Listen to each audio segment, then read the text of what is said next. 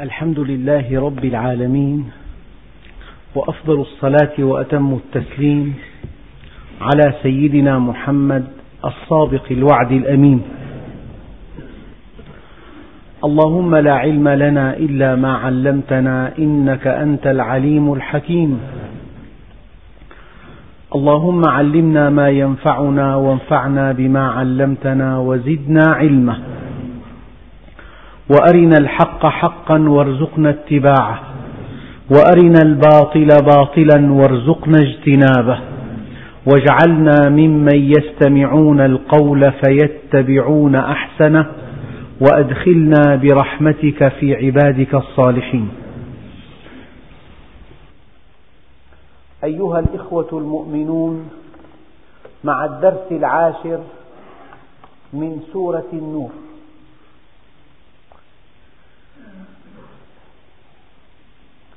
في الدرس الماضي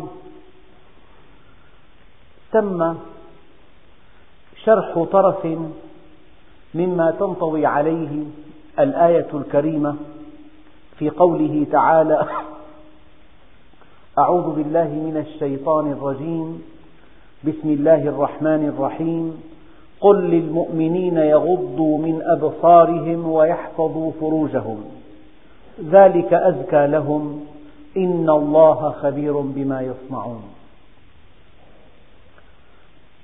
وآية اليوم وقل للمؤمنات يغضضن من أبصارهن ويحفظن فروجهن ولا يبدين زينتهن إلا ما ظهر منها وليضربن بخمرهن على جيوبهن ولا يبدين زينتهن إلا لبعولتهن أو آبائهن أو آباء بعولتهن أو أبنائهن أو أبناء بعولتهن أو إخوانهن أو بني إخوانهن أو بني أخواتهن أو نسائهن أو ما ملكت أيمانهن أو التابعين غير أولي الإربة من الرجال أو الطفل الذين لم يظهروا على عورات النساء ولا يضربن بأرجلهن ليعلم ما يخفين من زينتهن وتوبوا إلى الله جميعا أيها المؤمنون لعلكم تفلحون.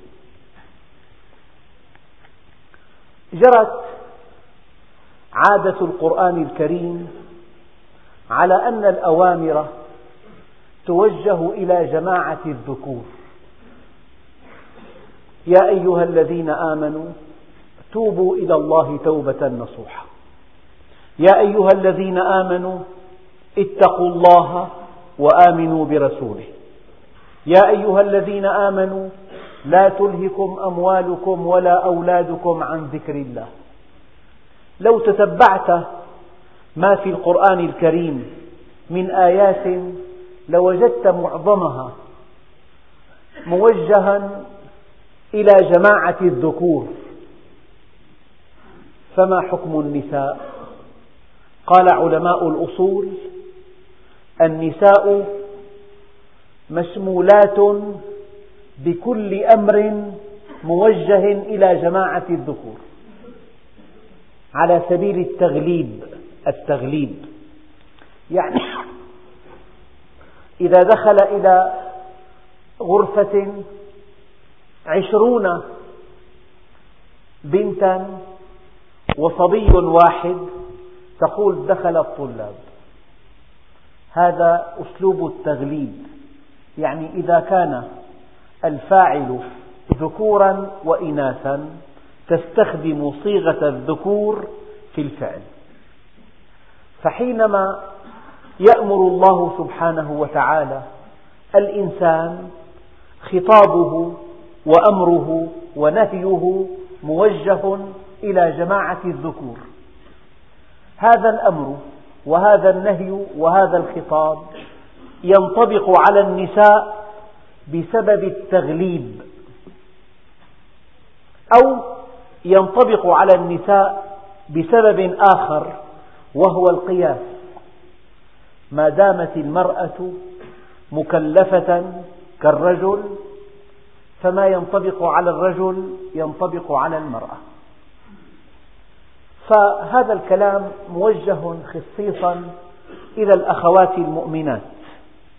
أية آية في القرآن الكريم موجهة إلى جماعة الذكور هي موجهة بالقياس أو بالتغليب إلى جماعة النساء. فإذا قرأت المرأة المؤمنة يا أيها الذين آمنوا لا تلهكم أموالكم ولا أولادكم عن ذكر الله. إنها معنية بالخطاب مئة بالمئة وفق علم الأصول. لأن ما يخاطب به الرجال ينسحب على النساء إما بالتغليب وإما بالقياس. ولكن أحيانا بما أن المرأة قد خلقت بصفات خاصة لتؤدي وظيفة خاصة في المجتمع. ففي ففي فللمرأة في القرآن الكريم أحكام خاصة. من هذا المنطلق كانت هذه الآية الكريمة لأن للمرأة صفات خاصة تؤهلها لأداء وظيفتها في المجتمع. إذا لها أحكام خاصة.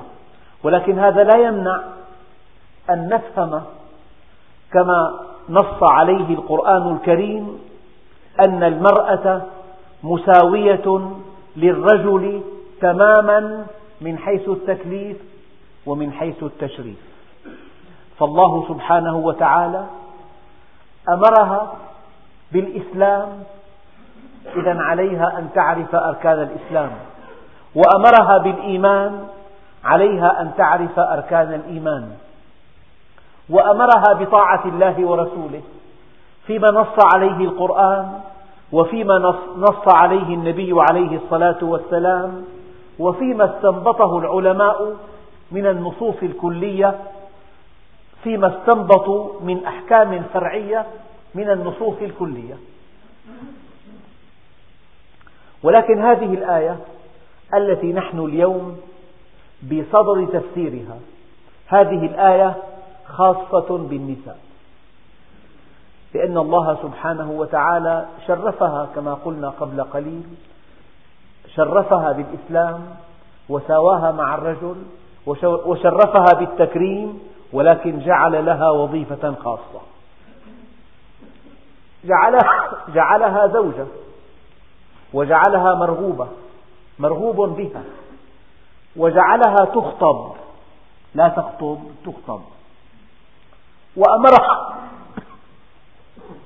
أن تقر في البيت حفاظا على أداء مهمتها وصونا لما خصها الله به من أن يكون مبتذلا. فقال تعالى وقرن في بيوتكن. ولكن هذه الآية تشير إلى أحكام دقيقة متعلقة بالمرأة. فقال الله عز وجل قل للمؤمنين يغضوا من أبصارهم ويحفظوا فروجهم ذلك أزكى لهم. إن الله خبير بما يصنعون. وقل للمؤمنات يغضضن من أبصارهن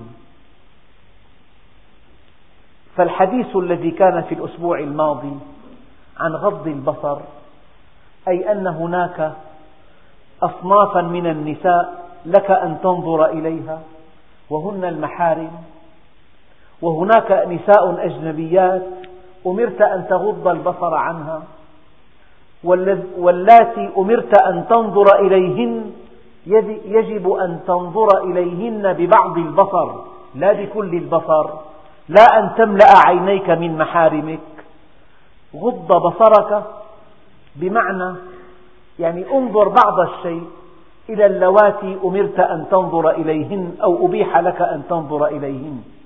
فالمن للتبعيض لتبعيض الجهة المبصرة ولتبعيض الجهة المبصرة. هذه الأحكام الدقيقة التي وردت في الدرس الماضي يمكن أن ترد اليوم أيضا بالتمام والكمال. فالمرأة في حياتها مجموعة من الرجال لها أن تنظر إليهم كالزوج والأب والأخ والابن وابن الابن وابن الأخت وابن الأخ. هؤلاء الرجال لها أن تنظر إليهم, إليهم. لذلك أمرت بغض بعض البصر. قل وقل للمؤمنات يغضضن من أبصارهن. شيء آخر يعني هذا الرجل الذي أبيح للمرأة أن تنظر إليه لا ينبغي أن تنظر إليه مدققة بملء العين مكررة مستمرة يجب أن تغض البصر. طبعا الزوج له حالات خاصة. في الآيتين فقط الزوج. ما سوى الزوج؟ يجب أن يكون هناك يعني كما قال العلماء يعني نظر ولكن باعتدال من دون أن يكون هناك استمرار وتدقيق ومعاودة وإملاء العين من المبصر إليه. وقل للمؤمنات يغضضن من أبصارهن. ومن المعنى الثالث أن المرأة إذا منعت من أن تنظر إلى أجنبي ونظرت إليه فجأة فتأتي من بمعنى أن النظرة الأولى لها والثانية, علي والثانية عليها. فأول من لغض البصر عن الأجانب ومن الثانية لإطلاق بعض البصر إلى المحارم ومن الثالثة لو نظرت فجأة إلى رجل لها الأولى وليس لها الثانية. هكذا قال بعض الفقهاء. يعني أحكام من التبعيضية. في الآية السابقة يمكن أن تنسحب بكاملها على الآية اللاحقة.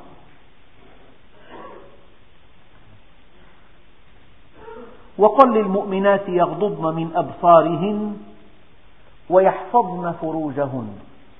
وكيف أن الله سبحانه وتعالى إطلاق البصر والتدقيق في المبصر فيه بعد عن الله عز وجل وفيه غفلة وفيه اتجاه نحو الشهوة.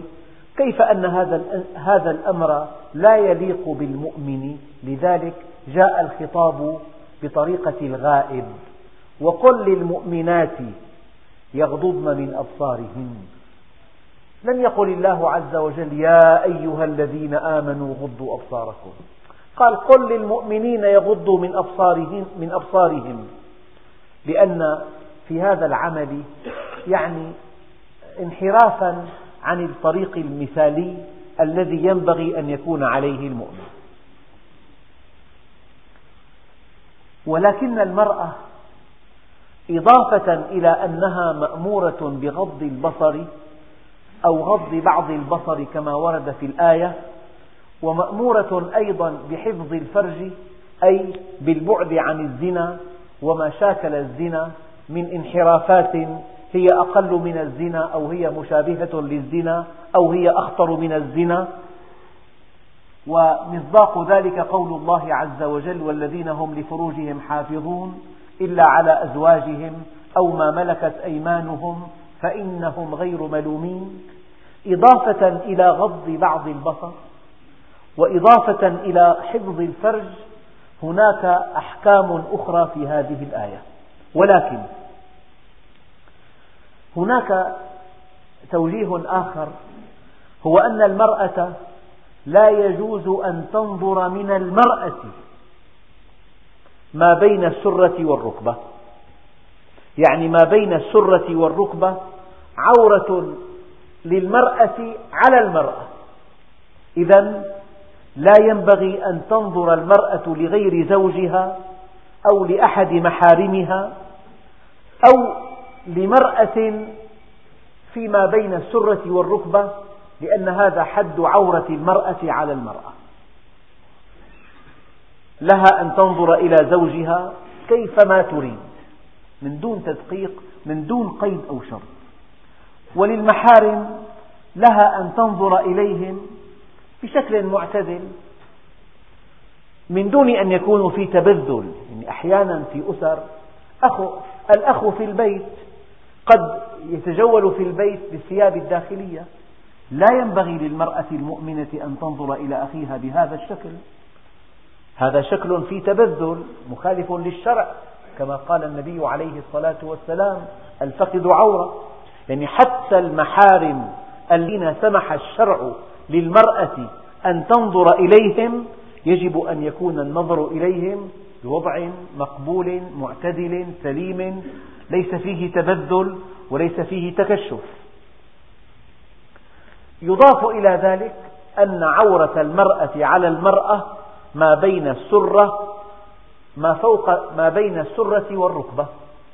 إذا الأمر بغض البصر يشمل هذه الجهات الثلاثة. يضاف إلى ذلك أن المرأة عند الضرورة لها أن تنظر إلى الرجل بفتوى بعض العلماء في حالات الإسعافات في حالات المعالجة. قد تكون هذه ممرضة في ظرف عصيب رجل في حالة خطرة. أباح لها الشرع أن تنظر إليه لعلة التطبيب أو في حالات قاهرة. كما كما أحل أو أباح الشرع للرجل أن ينظر إلى المرأة لمجموعة من العلل منها التطبيب ومنها الخطبة ومنها الشاهد ومنها القاضي. فالقاضي أيضا له أن ينظر إلى وجه المرأة الأجنبية ليعرف هويتها وكذلك الشاهد وكذلك الطبيب ويجوز للمرأة أن تنظر إلى الرجل إذا كان قد خطبها. طبعا حينما ينظر إليها تنظر إليه. انظر إليها فذلك أحرى أن يؤدم بينكما. يضاف إلى غض البصر ولا يبدين زينتهن. الزينة في اللغة ما يتزين به الإنسان من حلي أو من خضاب.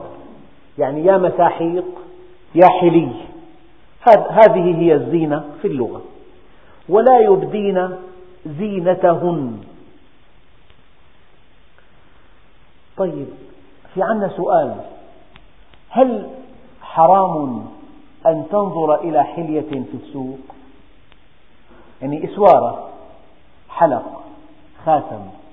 هل محرم عليك أن تنظر إلى سوار لامرأة معروض في محل تجاري؟ الجواب لا ليس حراما. إذا ربنا سبحانه وتعالى حينما وجه المرأة أن تغض بصرها عن الرجال وألا تبدي زينتها المقصود بالزينة الحلي في مواضعها. يعني السوار في المعصم والعقد في الجيد. والخلخال في الساق والقرط في الأذن. يعني ولا يبدين هذه الحلي وهي في مواضعها. محرم على المرأة أن تبدي للرجال الأجانب هذه الزينة وهي في موضعها. ولا يبدين زينتهن. وكأن القرآن الكريم أراد بالزينة مواقعها. أراد بالزينة مواقعها. مواقع العقد الرقبة والجيد. إذا لا ينبغي للمرأة أن تظهر رقبتها وجيدها للأجنبي. مواقع الزينة المعصم. لا ينبغي للمرأة أن يبدو معصمها للأجانب. مواقع الزينة الأذن وصفحة العنق. لا ينبغي للمرأة أن تبدي أذنها وصفحة عنقها للأجانب. مواضع الزينة الساق. لا ينبغي للمرأة المسلمة أن تبدي ساقها وما فيه من خلخال للأجانب. إذا ولا يبدين زينتهن بعض العلماء قال الزينة زينتان. زينة باطنة وزينة ظاهرة. زينة مجلوبة وزينة خلقية. المجلوبة والخلقية الباطنة والظاهرة مما تعنيه كلمة الزينة. ولا يبدين زينتهن. أبدى يبدي. شوف بدا يبدو. أبدى يبدي. بدا ثلاثي بدا القمر ظهر بدا الشيء ظهر لكن أبدى رباعي في تعديل. لم يقل الله عز وجل ولا يبدون ولا يبدين يعني باختيارها شيء بإمكانها أن تخفيه وبإمكانها أن تظهره. شيء تابع لإرادتها. يبدي ياء المضارع مضمومة. إذا الفعل رباعي ورباعي بدا أبدى أبدى في تعدية. أبديت الشيء أو أخفيته. أبديته وأخفيته. ولا يبدين زينتهن. إذا بإمكانها أن تستر جيدها وصدرها ومعصمها وصفحة عنقها وساقها. هذا بإمكانها. إذا هي مأمورة ألا تبدي هذه الزينة. ولا يبدين زينتهن.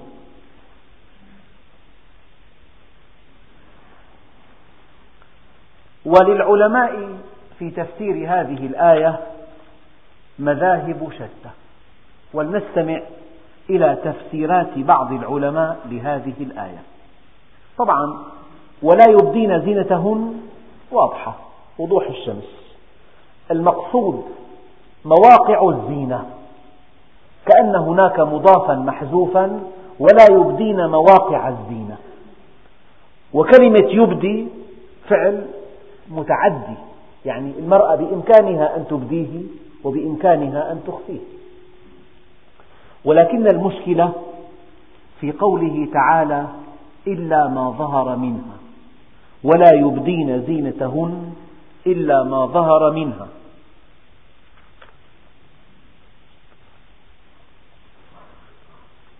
فعن ابن مسعود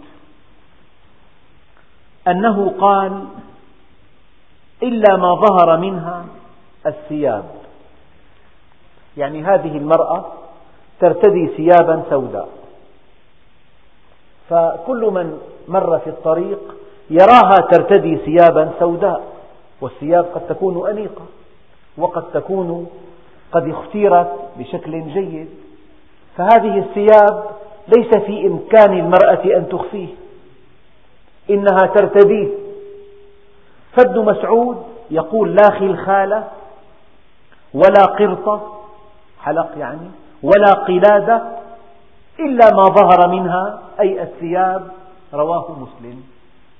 يعني هذه المرأة التي ترتدي ملاءة أو جلبابا أو معطفا هذا المعطف يبدو للمارة يبدو للناس. هذا المعطف يظهر لا محالة يظهر ويستحيل إخفاؤه. كيف تختفي؟ إن خرجت المرأة من بيتها لأمر هام إنها ترتدي هذا المعطف أو هذا الجلباب أو هذا الرداء. إذا يبدو هذا الجلباب للناس. إلا ما ظهر منها أي الثياب. هذا قول ابن مسعود وقد ورد هذا القول في صحيح مسلم.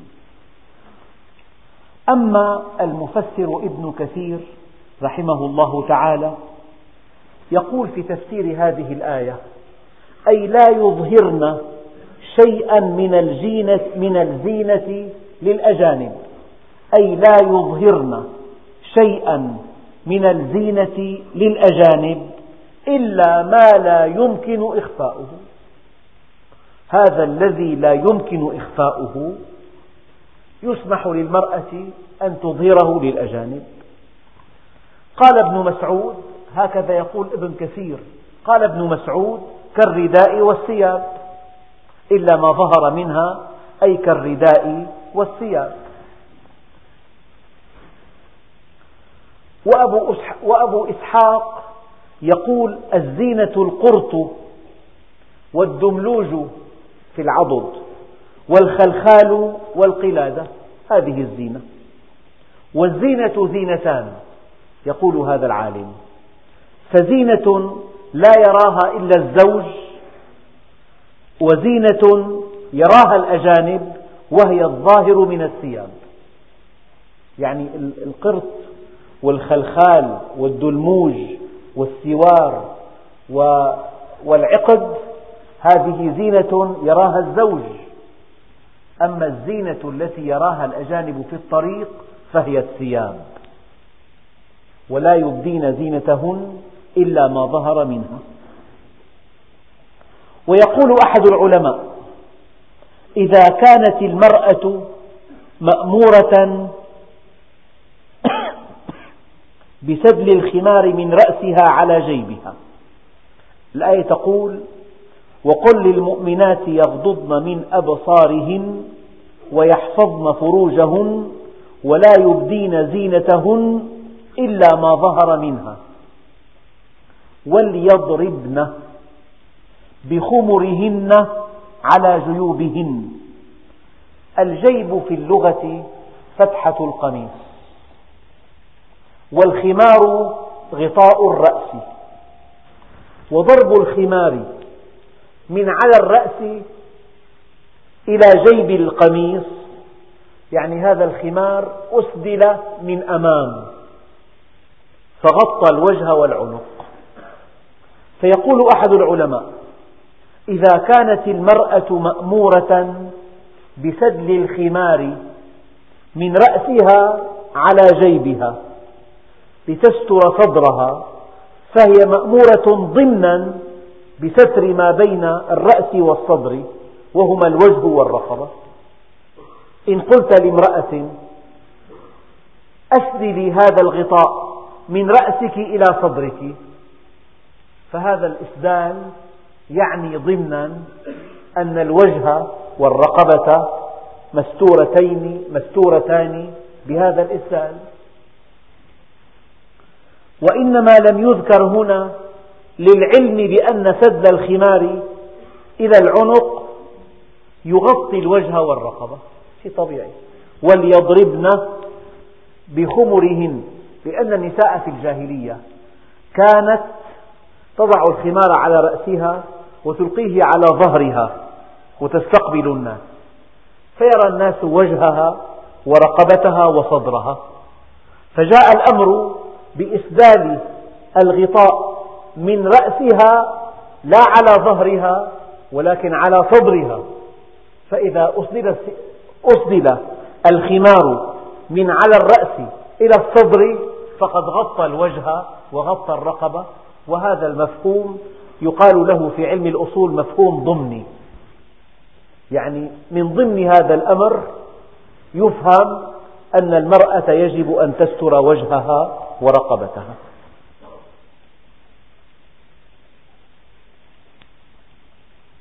وقال أحد العلماء أيضا وقد تضمن قوله تعالى وليضربن بخمرهن على جيوبهن أمر للنساء بتغطية وجوههن ورقابهن على التنصيص.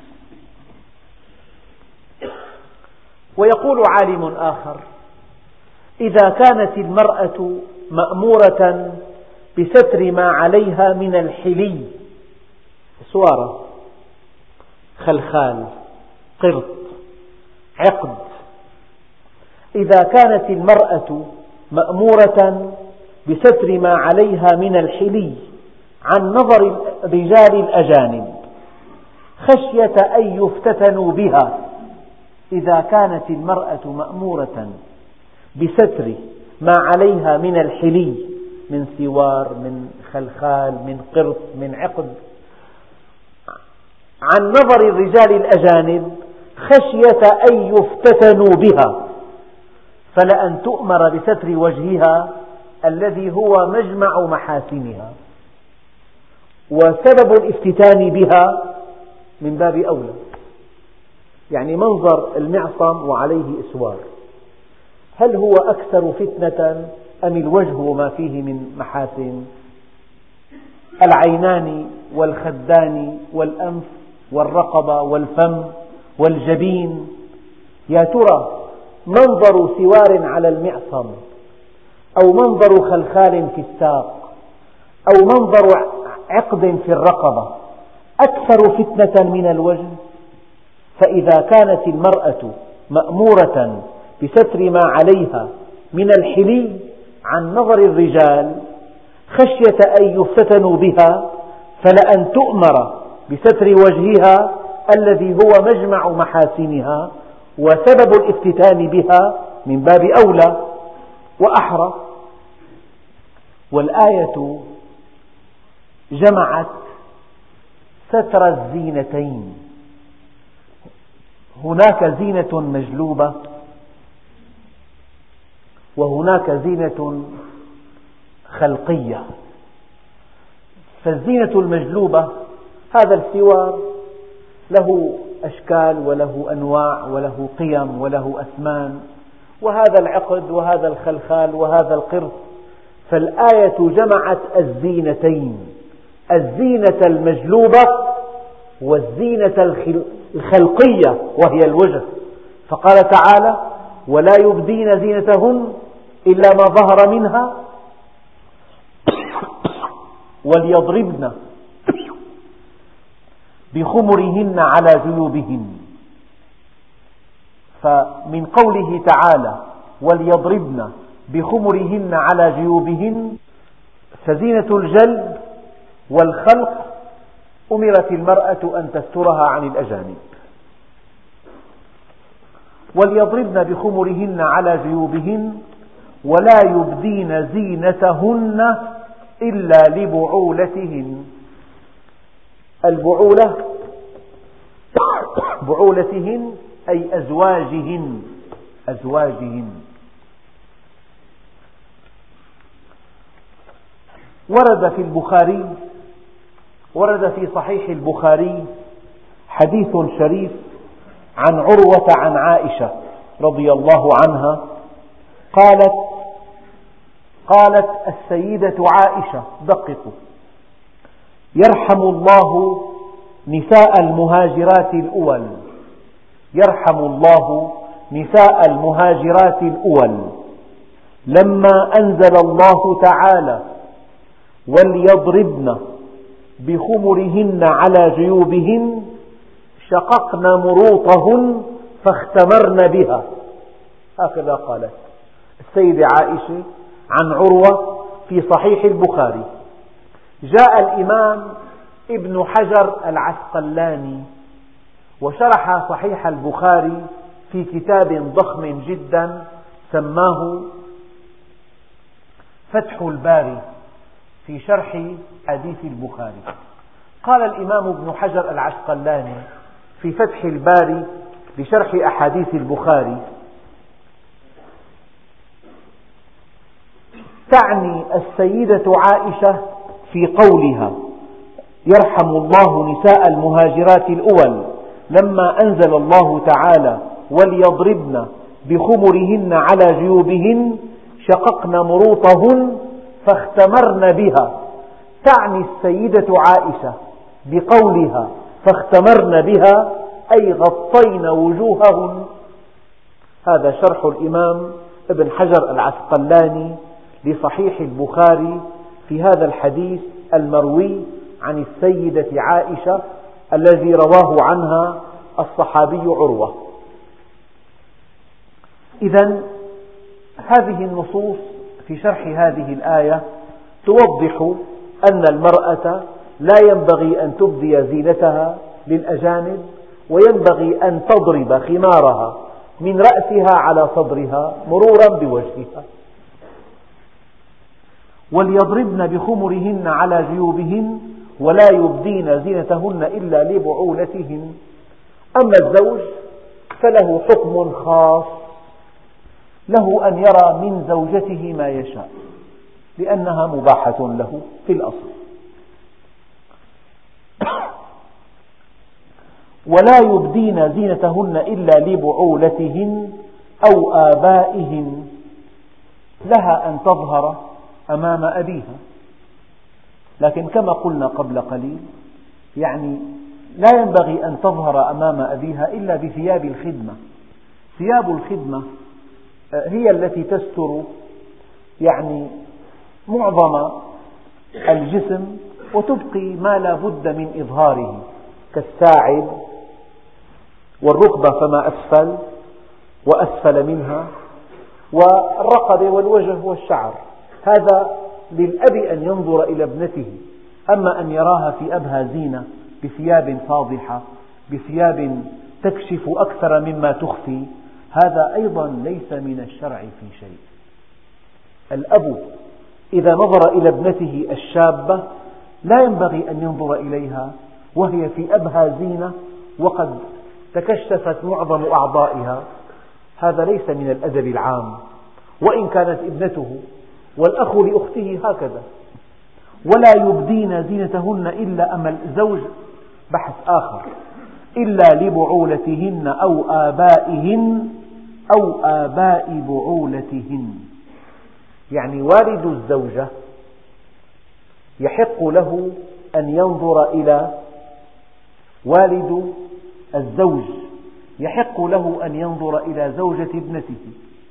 ولكن في حاشية ابن عابدين وهي أوسع كتاب في الفقه الحنفي يقول المؤلف لا يجوز للرجل أن يختلي بصهرته الشابة. الصهرة الشابة والأخت من الرضاعة لا يجوز أن يختلي بهما لمظنة الفساد. ما دام الابن موجودا فالأمر طبيعي وهذه الزوجة زوجة الابن أحد محارم الرجل وله أن ينظر إليها. كما قلنا في الدرس السابق يعني بعض النظر. أما الخلوة بها منهي عنها عند السادة الأحناف. ولا يبدين زينتهن إلا لبعولتهن أو آبائهن الأب أو آباء بعولتهن.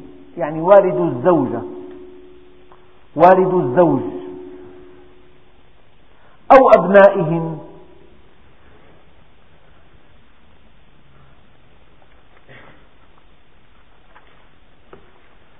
أو أبنائهن أو أبناء بعولتهن يعني ابن الزوج ابن الزوج يحق لها أن تبدو أمامه. كذلك هنا في ملاحظة يعني في حالات كثيرة جدا في المجتمع. يعني الخلوة بين ابن شاب في ريعان الشباب وبين زوجة الأب وهي شابة أيضا يجب أن يحتاط لها. وبشكل أدق أي امرأة ولو أنها من محارمك إذا نظرت إليها نظرة شهوة فإن هذه النظرة محرمة. يعني إذا نظر الإنسان إلى إحدى محارمه اللاتي سمح الشرع له أن ينظر إليهن إذا نظر إليها نظرة ريبة أو نظرة شهوة فإن هذا محرم بشكل ثابت. لكن الأعم الأغلب يعني معظم الناس أصحاب الفطرة السليمة النقية الطاهرة لا ينظرون إلى محارمهم إلا نظرة بريئة. كأن ينظر الأخ إلى أخته والابن إلى أمه والأخت إلى أخيها. الأصل في الحياة الاجتماعية أن هناك دم مشترك وأن هناك موانع للفتنة. ولكن لو كان هناك حالات شاذة وحالات مرضية إذا كان هناك نظرة بشهوة إلى إحدى المحارم هذه النظرة تصبح محرمة أيضا.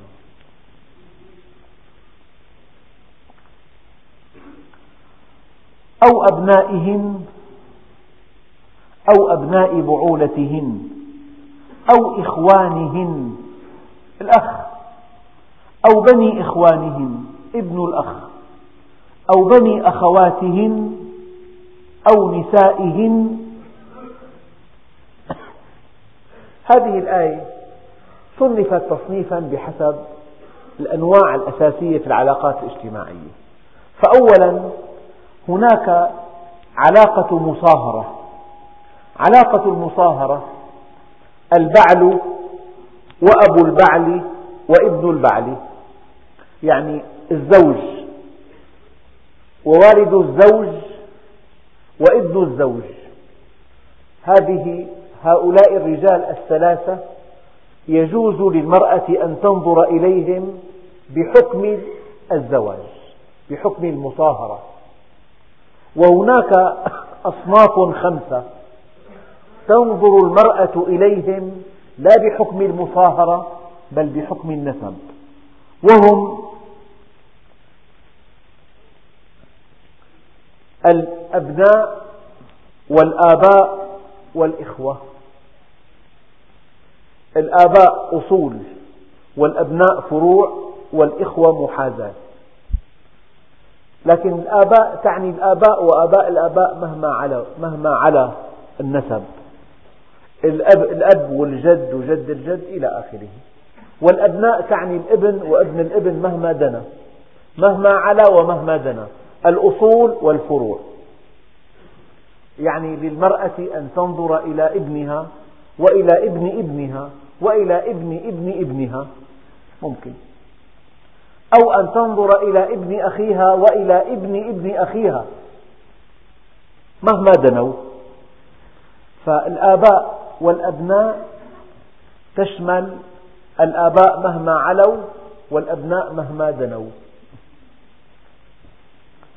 ولكن الآية أغفلت العم والخال.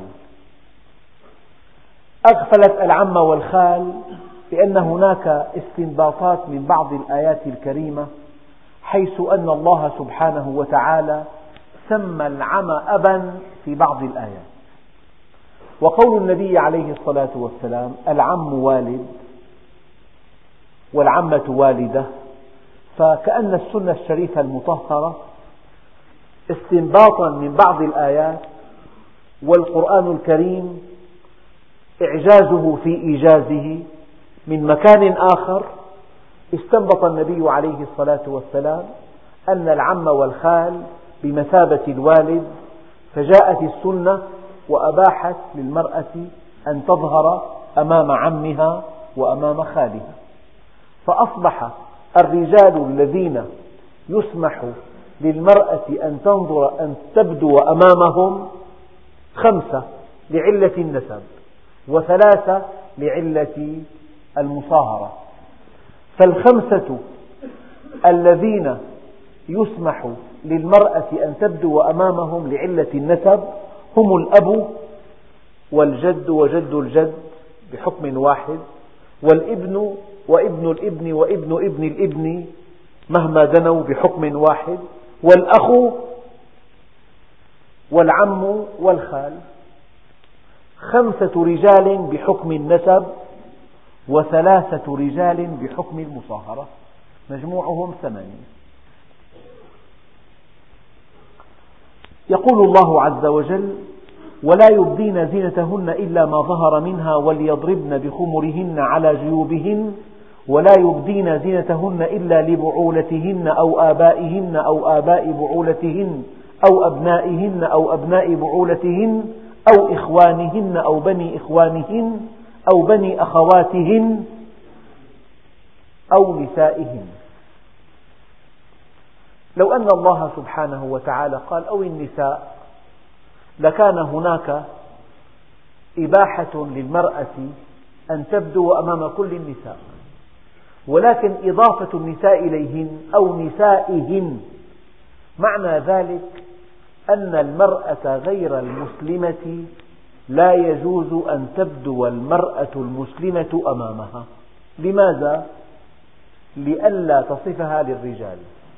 لأنه لا يجوز أن تصف المرأة امرأة لزوجها. فإذا وصفتها فكأنه ينظر إليها. بل ربما كان الوصف فيه مبالغة. لذلك هؤلاء النساء اللواتي يجتمعن مع بعضهن بعضا ثم ينصرفن إلى البيوت فتحدث كل امرأة زوجها عن فلان وطولة ولونه ورشاقتها وحركاتها وسكناتها ومنطقها وثقافتها. هذا لا يجوز. هذا مخالف للسنة مخالف لنص هذه الآية لأن الله سبحانه وتعالى يقول أو نسائهن. يعني للمرأة أن تظهر أمام امرأة مسلمة. لماذا؟ لأن هذه المرأة المسلمة بحسب أوامر الشرع لن تصفها إلى زوجها. لكن المرأة غير المسلمة ربما وصفتها إلى زوجها وبالغت في الوصف فكأن هذا الأجنبي يراها كما هي. هذا حكم المرأة. وهناك رأي آخر حول هذه الآية رأي سديد. يعني أو نسائهن أي المرأة التي تثق بها هذه المرأة. مسلمة كانت أو غير مسلمة؟ لو أن امرأة مسلمة فاسقة من عادتها أن تصف النساء لزوجها. هذه المرأة المسلمة الفاسقة المنحرفة لا ينبغي للمرأة المسلمة أن تظهر أمامها خوف أن, يصف أن تصفها للرجال. هذا رأي آخر. رأي جمهور العلماء على أن نسائهن تعني النساء المسلمات وغير المسلمات لا يجوز للمرأة المسلمة أن تظهر أمامهن خشية أن يصفوها لزوجها. لكن بعض المسلمات يعني يعرضن أنفسهن في الطريق ليراهن كل إنسان. يعني هذا الذي وقع المسلمون فيه. فخلف من بعدهم خلف أضاعوا الصلاة واتبعوا الشهوات فسوف يلقون غيا. فسوف يلقون غيا. الغي الذي يمكن أن يصيب المسلمين بسبب إضاعة الصلاة واتباع الشهوات وليست إضاعة الصلاة تركها بل إضاعة الصلاة تضييع الخشوع فيها وتضييع الاستقامة قبلها وتضييع إتمامها وتضييع الخشية فيها. هذه الإضاعة. فخلف من بعدهم خلف أضاعوا الصلاة واتبعوا الشهوات فسوف يلقون غيا. إذا أو نسائهن العلة في ذلك ألا تصف المرأة غير المسلمة محاسن هذه المرأة المسلمة إلى زوجها أو إلى الأجانب. قد تجلس هذه المرأة غير المسلمة في نادي في مكان عام وتقول فلان جارتي شكلها كذا وكذا وكذا وكذا وتتحدث. فكأن كل هؤلاء الرجال رأوها. هذه العلة. أو ما ملكت أيمانهن. آه، إياكم أن تظنوا إياكم أن تظنوا أن المرأة الحرة يجوز لها أن تبدو أمام عبدها. لا لأن هذا العبد فيه شهوة كما في الرجال. ويشتهي هذه السيدة كما يشتهيها الأجنبي. لكن, لكن الآية هنا أو ما ملكت أيمانهن بمعنى الجارية التي عند المرأة المسلمة فرضا. هذه الجارية ليست مسلمة لكن لأنها محبوسة في البيت وليس لها علاقات مع الآخرين. للمرأة المسلمة أن تبدو أمامها على كل آه، ملك اليمين ليس الآن في حيز الوجود إطلاقا. أو ما ملكت أيمانهن أو التابعين غير أولي الإربة من الرجال. التابعون غير أولي الإربة من الرجال كما فسرهم فسرها بعض العلماء الشيخ الذي فنيت شهوته أو الأبلة أو أي إنسان ليس له حاجة إطلاقا إلى النساء. أو التابعين غير أولي الإربة من الرجال أو الطفل الذين لم يظهروا على عورات النساء. يعني الطفل الذي لا يعرف لا يعرف الشهوة بعد لا يعرف محاسن المرأة. يعني المرأة أمامه كأن أمه فقط كأنها أمه بالضبط. لا يعرف من محاسنها شيئا. هذا الطفل الصغير للمرأة أن تظهر أمامه. أما إذا بدأ بين الجمال والقبح وبين صفات النساء ويميز بينها عندئذ لا ينبغي أن تظهر المرأة أمامه. أو الطفل الذين لم يظهروا على عورات النساء أو الطفل الذين لم يظهروا على عورات النساء. واضحة ولا يضربن بأرجلهن ليعلم ما يخفين من زينتهن. يعني المرأة إذا مشت في الطريق لا ينبغي أن تحدث لحركتها صوتا. تلفت النظر به. تلفت النظر إليها أو إلى بعض مفاتنها. فالمرأة منهية عن أن تسير سيرا يلفت النظر ولا يضربن بأرجلهن ليعلم ما يخفين من زينتهن. لذلك كل فعل من أفعال المرأة له صوت محرم أن تظهره للأجانب. فما قولكم بصوتها؟ بصوتها. إذا كان صوت أفعالها صوت أفعالها محرم أن يسمعه الأجانب لئلا يلتفتوا إليها. فما قولكم بصوتها وصوت المرأة عورة؟ شيء آخر فما قولكم بالعطر إذا؟ إذا خرجت المرأة متعطرة خرجت زانية. ولا تزال الملائكة تلعنها حتى تعود. لذلك الفقهاء حملوا على هذه الآية العطر. العطر يلفت النظر في عطور ثمينة جدا وغير ثمينة. كل أنواع العطور تلفت النظر. فالمرأة التي تتعطر في الطريق هذه لا تعرف الله أبدا ولم تقرأ القرآن ولم تعرف أحكام النساء في هذه السورة. فأي فعل من أفعالها له صوت محرم أن تظهره للأجانب. فكيف بصوتها؟ فكيف بالرائحة العطرة التي تفوح منها؟ هذا كله محرم. في آية أخرى تفيدنا الآن ولا تخضعن بالقول فيطمع الذي في قلبه مرض وقلن قولا معروفا.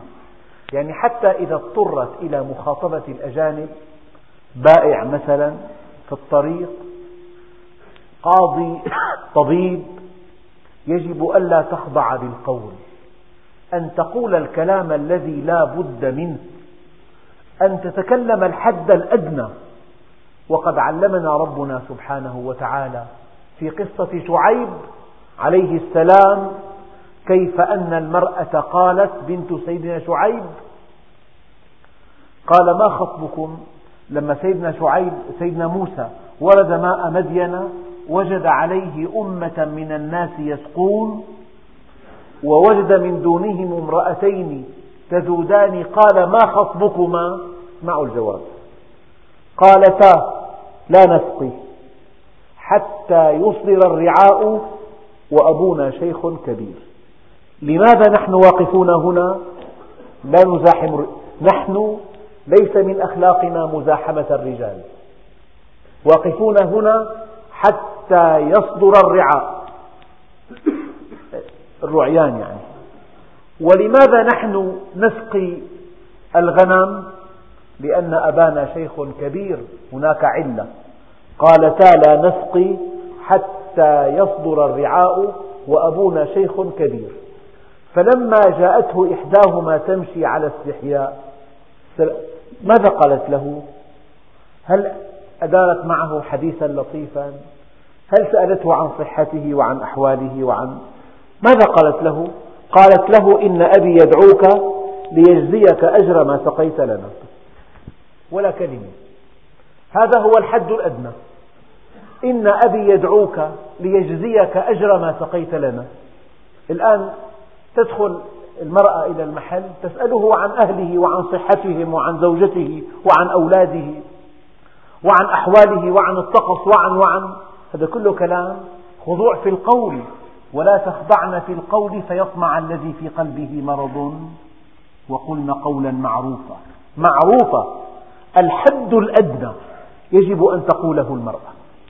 إذا أي صوت لفعل من أفعالها لا ينبغي أن يسمعه الأجانب. فكيف بصوتها؟ فكيف بعطرها؟ ولا يخضعن بالقول فيطمع الذي في قلبه مرض وقلن قولا معروفا. ولا يضربن بأرجلهن ليعلم ما يخفين من زينتهن. وقد ختمت هذه الآية وكأن هذا الختام للآيتين معا. وتوبوا إلى الله جميعا أيها المؤمنون لعلكم تفلحون. يبدو أن موضوع غض البصر وموضوع النساء يحتاج إلى جهد كبير ويحتاج إلى انضباط شديد ويحتاج إلى حزم وعلم. لذلك الإنسان المؤمن يتوب إلى الله دائما عن كل هفوة عن كل نظرة عن كل تقصير بدر منه. وتوبوا إلى الله جميعا أيها المؤمنون لعلكم تفلحون. يعني حينما تزل القدم حينما تخطف العين حينما ينظر من دون أن يشعر حينما يطيل النظرة الأولى هذه كلها تقريبا يعني ربما يحتاج الإنسان إلى أن يتوب من إلى الله كثيرا لقول النبي عليه الصلاة والسلام كل بني آدم خطاء وخير الخطائين التوابون. فهذه الآية آية قل وقل للمؤمنات يغضضن من أبصارهن ويحفظن فروجهن ولا يبدين زينتهن إلا ما ظهر منها وليضربن بخمرهن على جيوبهن ولا يبدين زينتهن إلا لبعولتهن أو آبائهن أو آباء بعولتهن أو أبنائهن أو أبناء بعولتهن أو إخوانهن أو بني إخوانهن أو بني أخواتهن أو نسائهن أو ما ملكت أيمانهم أيمانهن أو التابعين غير أولي الإربة من الرجال أو الطفل الذين لم يظهروا على عورات النساء ولا يضربن بأرجلهن ليعلم ما يخفين من زينتهن وتوبوا إلى الله جميعا أيها المؤمنون لعلكم تفلحون والحمد لله رب العالمين.